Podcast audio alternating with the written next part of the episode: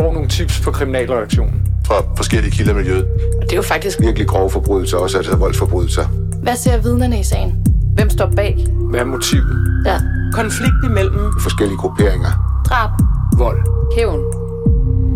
Hver uge vender vi aktuelle kriminalsager på Ekstrabladet. Fire børn blev i februar 2023 bortført til genopdragelse af deres far i Mauritanien. Et af børnene kom tilbage i sommeren sidste år. Omkring nytår kom så de sidste tre søskende tilbage til Danmark. Efter et ophold, hvor de ifølge deres storbrors fortælling er blevet slået, sultet og vandrygtet. Nu har de fire børn så stævnet Egedal Kommune for samlet 1,2 millioner kroner, fordi at de føler, at kommunen nordvest for København, hvor de har haft deres barndom, har svigtet dem. Det har de gjort med hjælp fra organisationen Ny Identitet. Albert Bastian Bøjsen har skrevet den seneste artikel i serien om de fire bortførte børn.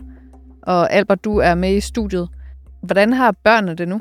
Nader Askani, som er stifter af den her organisation Ny Identitet, han fortæller mig, at han er i daglig kontakt med en af de børn her. Lige nu, der bor de på et bosted, som egentlig er et ganske almindeligt bosted, øh, altså hvor der også bor andre udsatte unge. Han påpeger så, Nader Askani, at det ikke er et sted, der kan tage hånd om de problemer, børnene er kommet hjem med fra det her næsten et år i Mauritanien. Børnene har jo psykiske øh, ubehag efter at komme hjem. De er bange, fortæller han. Egedal Kommune, de vil ligesom ikke tage hånd om de her børn, fordi de mener, det ikke er deres ansvar. Så det betyder, at de ligesom har lukket for pengekassen.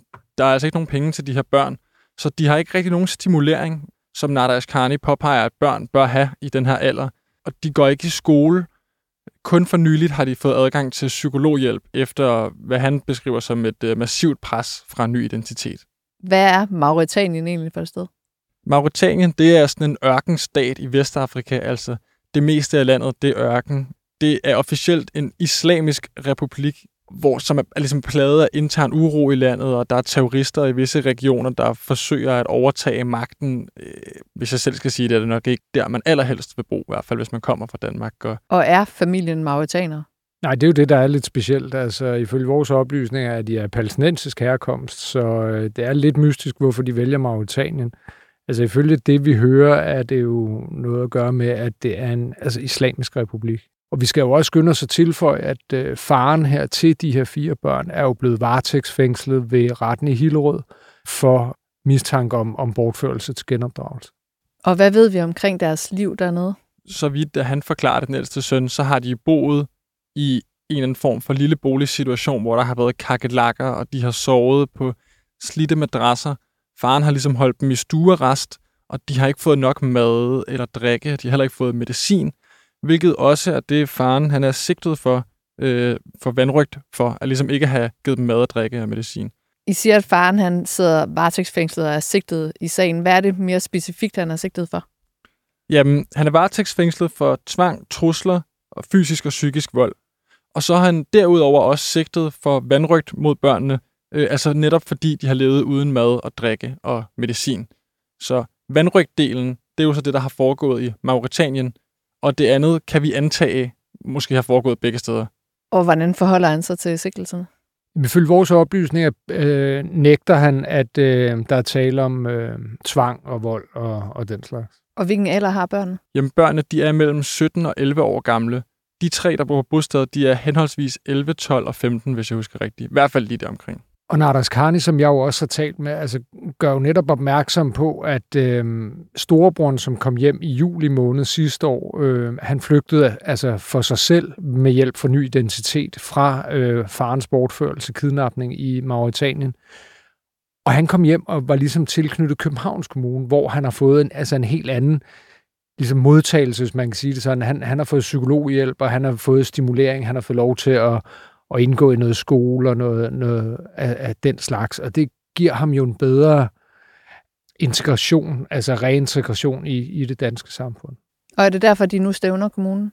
Ja, altså de stævner kommunen, fordi at de har indsendt et krav på, at de, eller de har indsendt et erstatningskrav på 300.000 kroner per barn. Øh, Det vil sige 1,2 millioner kroner i alt. Øh, For, fordi de mener, at de har ret på erstatning. Og, og det de også mener, det er, at kommunen bør gå ud og tage ansvar og sige, hey, vi har fejlet jer. Øhm, vi har ikke levet op til den pligt, vi har til at passe på, på de børn, der er i kommunen. Og det skal måske også lige siges, at børnene har altså boet i, i Edal Kommune her nordvest for København, inden de blev taget til Mauritanien i flere år, og de har gået i folkeskole og ellers haft et almindeligt børneliv i kommunen. Og hvad siger Egedal Kommune til stævningen? Jamen, som det jo så ofte er, så har kommuner sjældent øh, kommentarer til sådan specifikke sager, og har derfor heller ikke noget at sige til stævningen. Altså øh, fordi de siger, at det er en personsag? Ja, lige præcis. De vil så godt sige, at øh, man mener, at alle, der har været i kontakt med den her familie, selvfølgelig har været påvirket af børnenes trivsel osv. Men de forholder sig ikke til anklagerne om, at de ikke har gjort det godt nok? Nej, de kommer sådan set heller ikke nærmere på nogle andre detaljer fra historien. Almindeligt børneliv i kommunen. Og almindeligt børneliv, altså det, som ny identitet også anfører, som jeg har forstået det, er jo det her med, at øh, der er kommet en masse henvendelser altså, til kommunen altså, i det her forløb op til bortførelsen. Og det er det, som kommunen ikke har reageret på, og det er der, de også ligesom har svigtet øh, børnene i den her familie. Ja, det har jo ligesom faren har ment, at de er blevet for danske af at gå i dansk skole og bo i Danmark. Øh, og de altså skulle til Mauritanien for at få en ja, muslimsk opdragelse, kan man vel godt sige. Øh, han er for eksempel ifølge ny identitet dukket op på skolen øh, og har holdt øje med børnene gennem vinduerne og sagt, at børnene må ikke sidde ved siden af andre børn af de andre køn, og må heller ikke modtage undervisning fra lærere på enkelt hånd af det modsatte køn. Og hvor stort et problem er det her med negativ social kontrol og genopdragelsesrejser? Jamen, det er jo enormt svært at sige noget om, fordi der er et kæmpestort mørketal altså i de her forbrydelser i familien. Øh, og det foregår jo i, i, i nogle parallelsamfund og i nogle subkulturer, som er fuldstændig afskærmet fra resten af det danske samfund, mere eller mindre. Men det er jo et udbredt problem. Altså, jeg har jo talt med Nader Karni af flere omgange, ikke, hvor han siger, at altså, der er jo stor negativ social kontrol altså i mange indvandrermiljøer i varierende grad. Altså, og han siger, at lakmusprøven er jo det her med, jamen, altså, kan døtrene komme hjem med en dansk kæreste, for eksempel. Ikke? Og hvis de kan det, så er der ikke nogen, men, men mange af dem, af de indvandrerfamilier, han ligesom siger, han kender til, der vil det være uset at, at komme hjem med en dansk kæreste, men derfra er der jo øhm, altså også altså, virkelig tilfælde, hvor der er tale om græld negativ social kontrol, ikke? Altså hvor især døtrene jo ingenting må, øh, før de bliver tvangsgiftet med en mand, som er fundet et eller andet sted. Altså de officielle tal ifølge øh, Social, Bolig og Ældreministeriet ligger sådan per år omkring lige under 100 øh, børn, der bliver bortført til andre lande. Det er jo alligevel et øh, ret stort tal. Ja, men som både Christian siger, og, og også Nada Ashkani fra Ny Identitet, så er tallet formentlig højere, eller i hvert fald et stort skyggetal. Og sagen med de fire børn, hvad er det, der kommer til at ske i den kommende tid? Jamen, der går jo nok et halvt til et år, før at børnenes sag om opholdstilladelse er færdig øh, behandlet. Altså, man kan sige, for dem kan man jo håbe et halvt år. Øh, det bedste udfald for dem er jo selvfølgelig, at de får opholdstilladelse, og så kan komme ud og bo sammen med deres storebror. Deres mor befinder sig angiveligt lige nu i Jordan og kan ikke komme hjem, fordi der er krig. Men så kan man jo sige, at det bedste tilfælde for dem er jo selvfølgelig, at hun bliver hentet hjem til Danmark, og de så kan bo sammen. Og ja, for deres skyld få udbetalt den erstatning. Og så afventer vi selvfølgelig også udfaldet af sagen mod faren. Ja, den må jo komme for, for på et eller andet tidspunkt. Tak for det begge to. Velbekomme.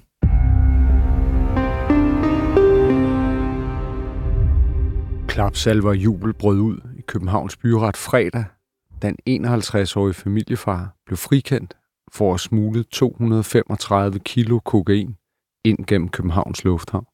Den 51-årige har siddet varetægtsfængslet i præcis et år. Han blev anholdt som led i den store narkosag, som bliver kaldt Operation Sixpence, hvor mindst ni mænd er idømt mere end 122 års fængsel til sammen for at smule 400 kilo kokain ind i land. Kriminalreporter Bjarke Vestesen har dækket sagen. Velkommen til. Bjarke, det er jo usædvanligt med en frikendelse i denne her type sager her. Det er ikke noget, vi ser ret tit, nej. Og hvis vi ser på Operation Sixpence, så er det meget bekendt faktisk den eneste frifindelse, der har været af de mange domme, der er faldet til de mange mænd, der har været i det her kompleks. Bjarke, hvad er det, der er særligt ved denne her sag? Det særlige er jo, at her har vi en del af et langt, stort kompleks, hvor vi ser en frifindelse i forhold til øh, mange af de andre, som, øh, som er blevet dømt. At han, at han ikke bliver dømt for det her, det er i sig selv jo øh, ret specielt i en sag, hvor alle andre er blevet dømt. Ja, netop det her med, at øh, det er jo typisk længere tids efterforskning, som ligger bag øh, de her altså, store narkosagskomplekser, hvor Sixpence jo er en af dem. Og det er store mængder narko, altså 400 kilo hård narkotika. Det er jo altså en sag, vi ikke ser så tit i Danmark, tænker jeg. Det er en sag med rigtig mange kilo kokain, også i det her tilfælde med 235 kilo. Øh, og der er jo øh, blandt andet ham, der hedder Daniel Albright, som jo sidste år blev idømt 15 års fængsel, og som jo har været en del af den her konkrete sag mod den 51-årige. Og Albright, han fulgte også sagen. Han blev ført ind i retten iført håndjern og, og øh, fulgte sagen, fordi han har anket øh, den straf, han fik på 15 års fængsel til landsretten, og landsretten har ikke taget sig af sagen endnu. Og Albright er ham, de mener, er bagmanden til det her sagskompleks kaldet Operation Sixpence. Er det ikke rigtigt? Jo, det er ham, som de mener er den, der har stået for, for at, at, at koordinere og iværksætte uh, indsmugling af de her mange hundrede kilo kokain. Og nu startede jeg med at fortælle, at øh, det i fredags altså faldt øh, dommen eller frikendelsen, afgørelsen øh, til den 51-årige familiefar. Du var jo til stede i retten. Kan du beskrive lidt, hvad, hvad der skete dernede? Ja, der var selvfølgelig en meget spændt stemning. Allerede torsdag øh, havde der været procedure, det vil sige, hvor anklager og forsvarer skulle give deres bud på, hvad det skulle koste. Anklageren havde øh, sagt, at det skulle koste 16 års fængsel, mens forsvaren mente, at det skulle være frifindelse. Eller øh, hvis øh, retten mente, at hendes klient var skyldig, så skulle det højst koste 11-12 års fængsel. Og øh, retten var meget hurtig til at vi afsige øh, den her dom. Faktisk var det bebudet til først at være sidst i februar, men pludselig så meldte retsformanden tilbage, at nu afsiger vi dom i morgen. Øh, og det var så øh, fredag, fredag middag. Så der var en meget spændt stemning øh, forud for, øh, at dommen skulle afsiges. Der var familiemedlemmer, mange familiemedlemmer. Den 51-årige far var mødt op, hans øh, hustru var mødt op, en datter og øh, en bror var der også, og så var der en masse andre venner og pårørende, som var mødt op til, til den her domsafsigelse. Og hvordan reagerede de så, da, da retsformanden ligesom fortæller, at øh, ja, det er Altså, altså, hvis jeg siger, at der gik et, et lettelsens suk igennem forsamlingen, så ville det være en klar underdrivelse, fordi der blev klappet øh, meget, meget højt, meget længe, hvad der jo er fuldstændig atypisk i en retssal. Og øh, der gik altså lidt tid før øh, retsformanden, før dommeren ligesom fik, fik genoprettet ro og orden, og øh, ligesom fik, fik forklaret, at, at det hører sig ikke hjemme i en retssal. Øh, den 51-årige øh, hustru øh, brød helt øh, grædende sammen, øh, sad med hovedet nede mellem knæene og græd og græd og græd meget højlydt, simpelthen i dettelse år, at øh, hendes mand var blevet frifundet. Ja, hende øh, fik du også en, en kort kommentar fra bagefter, ikke? Ja, det gjorde jeg. Hun øh, sagde egentlig bare ganske kort, at hun øh, var lettet på familiens vegne. Det havde været en lang og hård tid. Den 51-årige har trods alt siddet varetægtsfængsel lige præcis et år og en dag. Og øh, næsten på årsdagen, i hvert fald dagen efter, der øh, fik han jo så den her frifindelse. Så hun var, hun var meget lettet, og jeg talte med hende udenfor os, hvor hun stadigvæk havde, havde øh, tårer i øjnene øh, over den her frifindelse. Ja, og for at vende tilbage til altså, sagens substans, hvis man kan sige det sådan. Altså den 51-årige er eller har været, det er jeg lidt i tvivl om, øh, ansat i Københavns Lufthavn, ikke? og det skulle være i den rolle, at han skulle have haft mulighed for at hjælpe den her store indsmugling på vej. Hvordan skulle indsmuglingen være foregået? Han øh, kendte lufthavnen ud og ind. Han øh, har været lige med lufthavnen, lige med bagagehåndtering. Han har været ansat derude i 25 år. Øh, det kan jeg godt sige nu, fordi der har været navnforbud på ham indtil dommen faldt. Det er der så ikke længere. Han var ansat frem til øh, coronaen kom i 2020, hvor han blev fyret og har så ikke siden været ansat derude. Øh, så han har jo kendt øh, til forholdene. Øh, han øh, har ifølge anklagemyndigheden øh, haft en færden, som i hvert fald ifølge politiets efterforskning jo har gjort, at man har kigget ekstra meget på hans rolle. Dels som anklagemyndigheden lagde vægt på i sin procedure. Dels så har han i 20 år været nær ven med den her hovedperson, der hedder Daniel Albright. Han øh, kom ifølge anklagemyndigheden bemærkelsesværdigt på sine to fridage, præcis de to dage, hvor der blev indsmuglet henholdsvis 110 kilo kokain den ene gang og 125 kilo kokain den anden gang. Selvom han øh, havde et øh, adgangskort til en bil, så havde han ikke tidligere brugt det, men lige præcis de to dage, der brugte han altså en bil til at køre ind i lufthavnsområdet. Og nogle af de her øh, lidt spøjse ting, mente anklagemyndigheden var belastende for den, for den 51-årige. Ja, og helt sådan konkret og lavpraktisk, så altså, som jeg husker, det foregik smuglingen i en række tasker. Kan du lige sætte lidt ord på det? Ja, i begge tilfælde kom taskerne med et passagerfly fra den Dominikanske Republik, øh, Punta Cana, som er et kendt populært feriested øh, i Karibien, øh, ankom til øh, Københavns Lufthavn. Og øh, så er de her mange tasker, øh, fem tasker øh, af hver 25 kilo, har lidt mindre den første gang, for der var det samlet 110 kilo.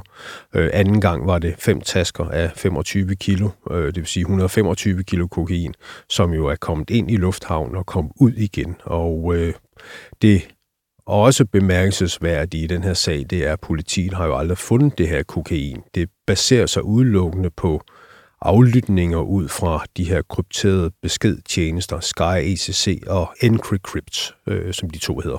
Ja, for det var egentlig mit, mit næste spørgsmål. For, øh, det er jo det her med, at altså, politiet har jo aldrig konfiskeret de her 235 ko- øh, kilo kokain. Altså, det er jo simpelthen rådet direkte ud til de danske forbrugere, eller forbrugere et eller andet sted i, i nærområdet, må man formode. Så hvordan, altså, det er simpelthen, det er de her krypterede tjenester, kan du sætte lidt, lidt mere ord på, øh, hvordan de så har rullet baglæns den vej? En meget stor del af bevismaterialet i Operation Sixpence øh, bygger jo netop på de her krypterede beskedtjenester, som mange kriminelle jo troede var så sikre, at politiet ikke kunne læse med, men det lykkedes jo så på europæisk plan at bryde krypteringen, og dermed så har øh, man jo kunne læse med og centralt fra Europols side har man jo kunne sidde og give besked til de enkelte lande omkring øh, de ting, som man har opdaget i de her aflytninger. Og det er jo derfor, man ved, at øh, de her 235 kilo kokain er kommet med det her fly. Man ved lige præcis, hvilket fly det er. Øh, man ved også fra beskederne på de her beskedtjenester, at øh, der blev sendt billeder af taskerne. Man ved præcis, hvordan taskerne så ud. Det var sorte Nike-tasker. Og øh, på den måde, så er man altså helt sikker på, at det har fundet sted. Det var så bare ikke den 51-årige, som jo altså stod for at få dem gelejtet og smuglet igennem Københavns Lufthavn, hvilket han i øvrigt hele tiden har nægtet.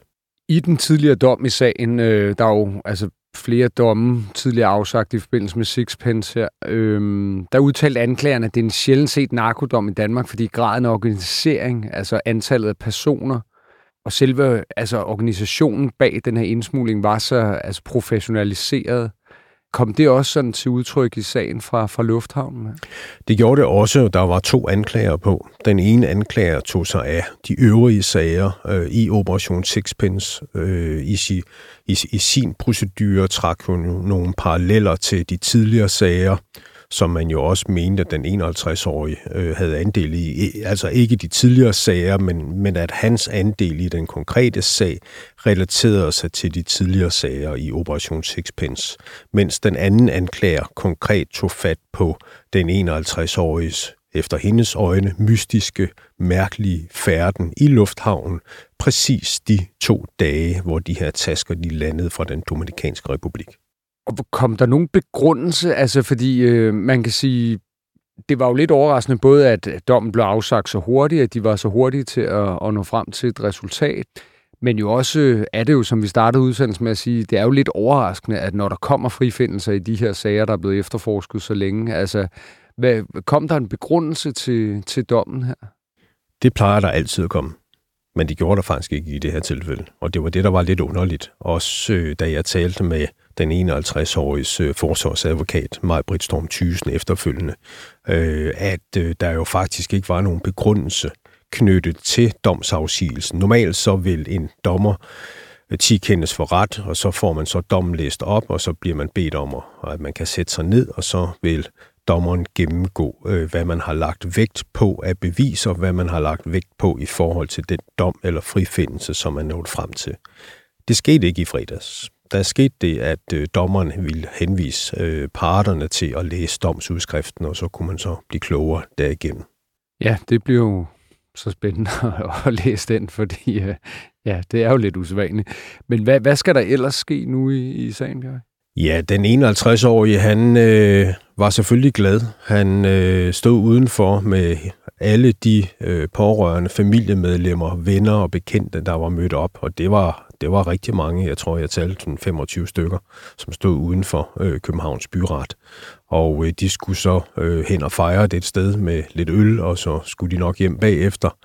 Øh, jeg talte også med anklageren, som nu også skal hjem og læse dommens præmisser, fordi hun var lige så overrasket over, at dommeren ikke læste det op i, i, i begrundelsen for frifindelsen.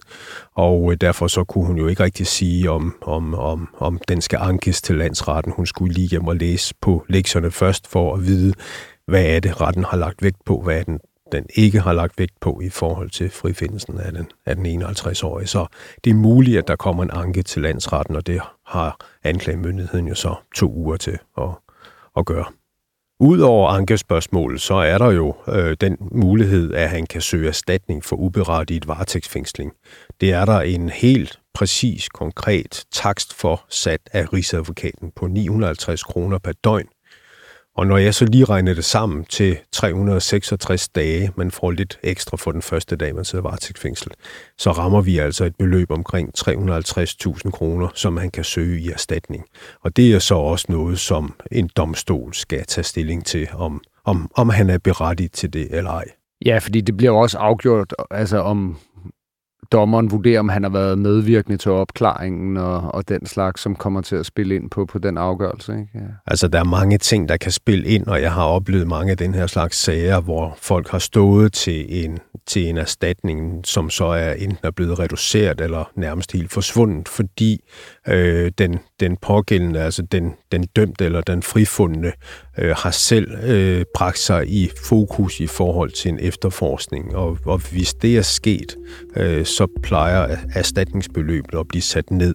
Men også omkring, om man selv har medvirket til opklaring, og man selv har bidraget positivt til, øh, til efterforskningen. Det er også noget, der tæller ind omkring erstatningsspørgsmålet.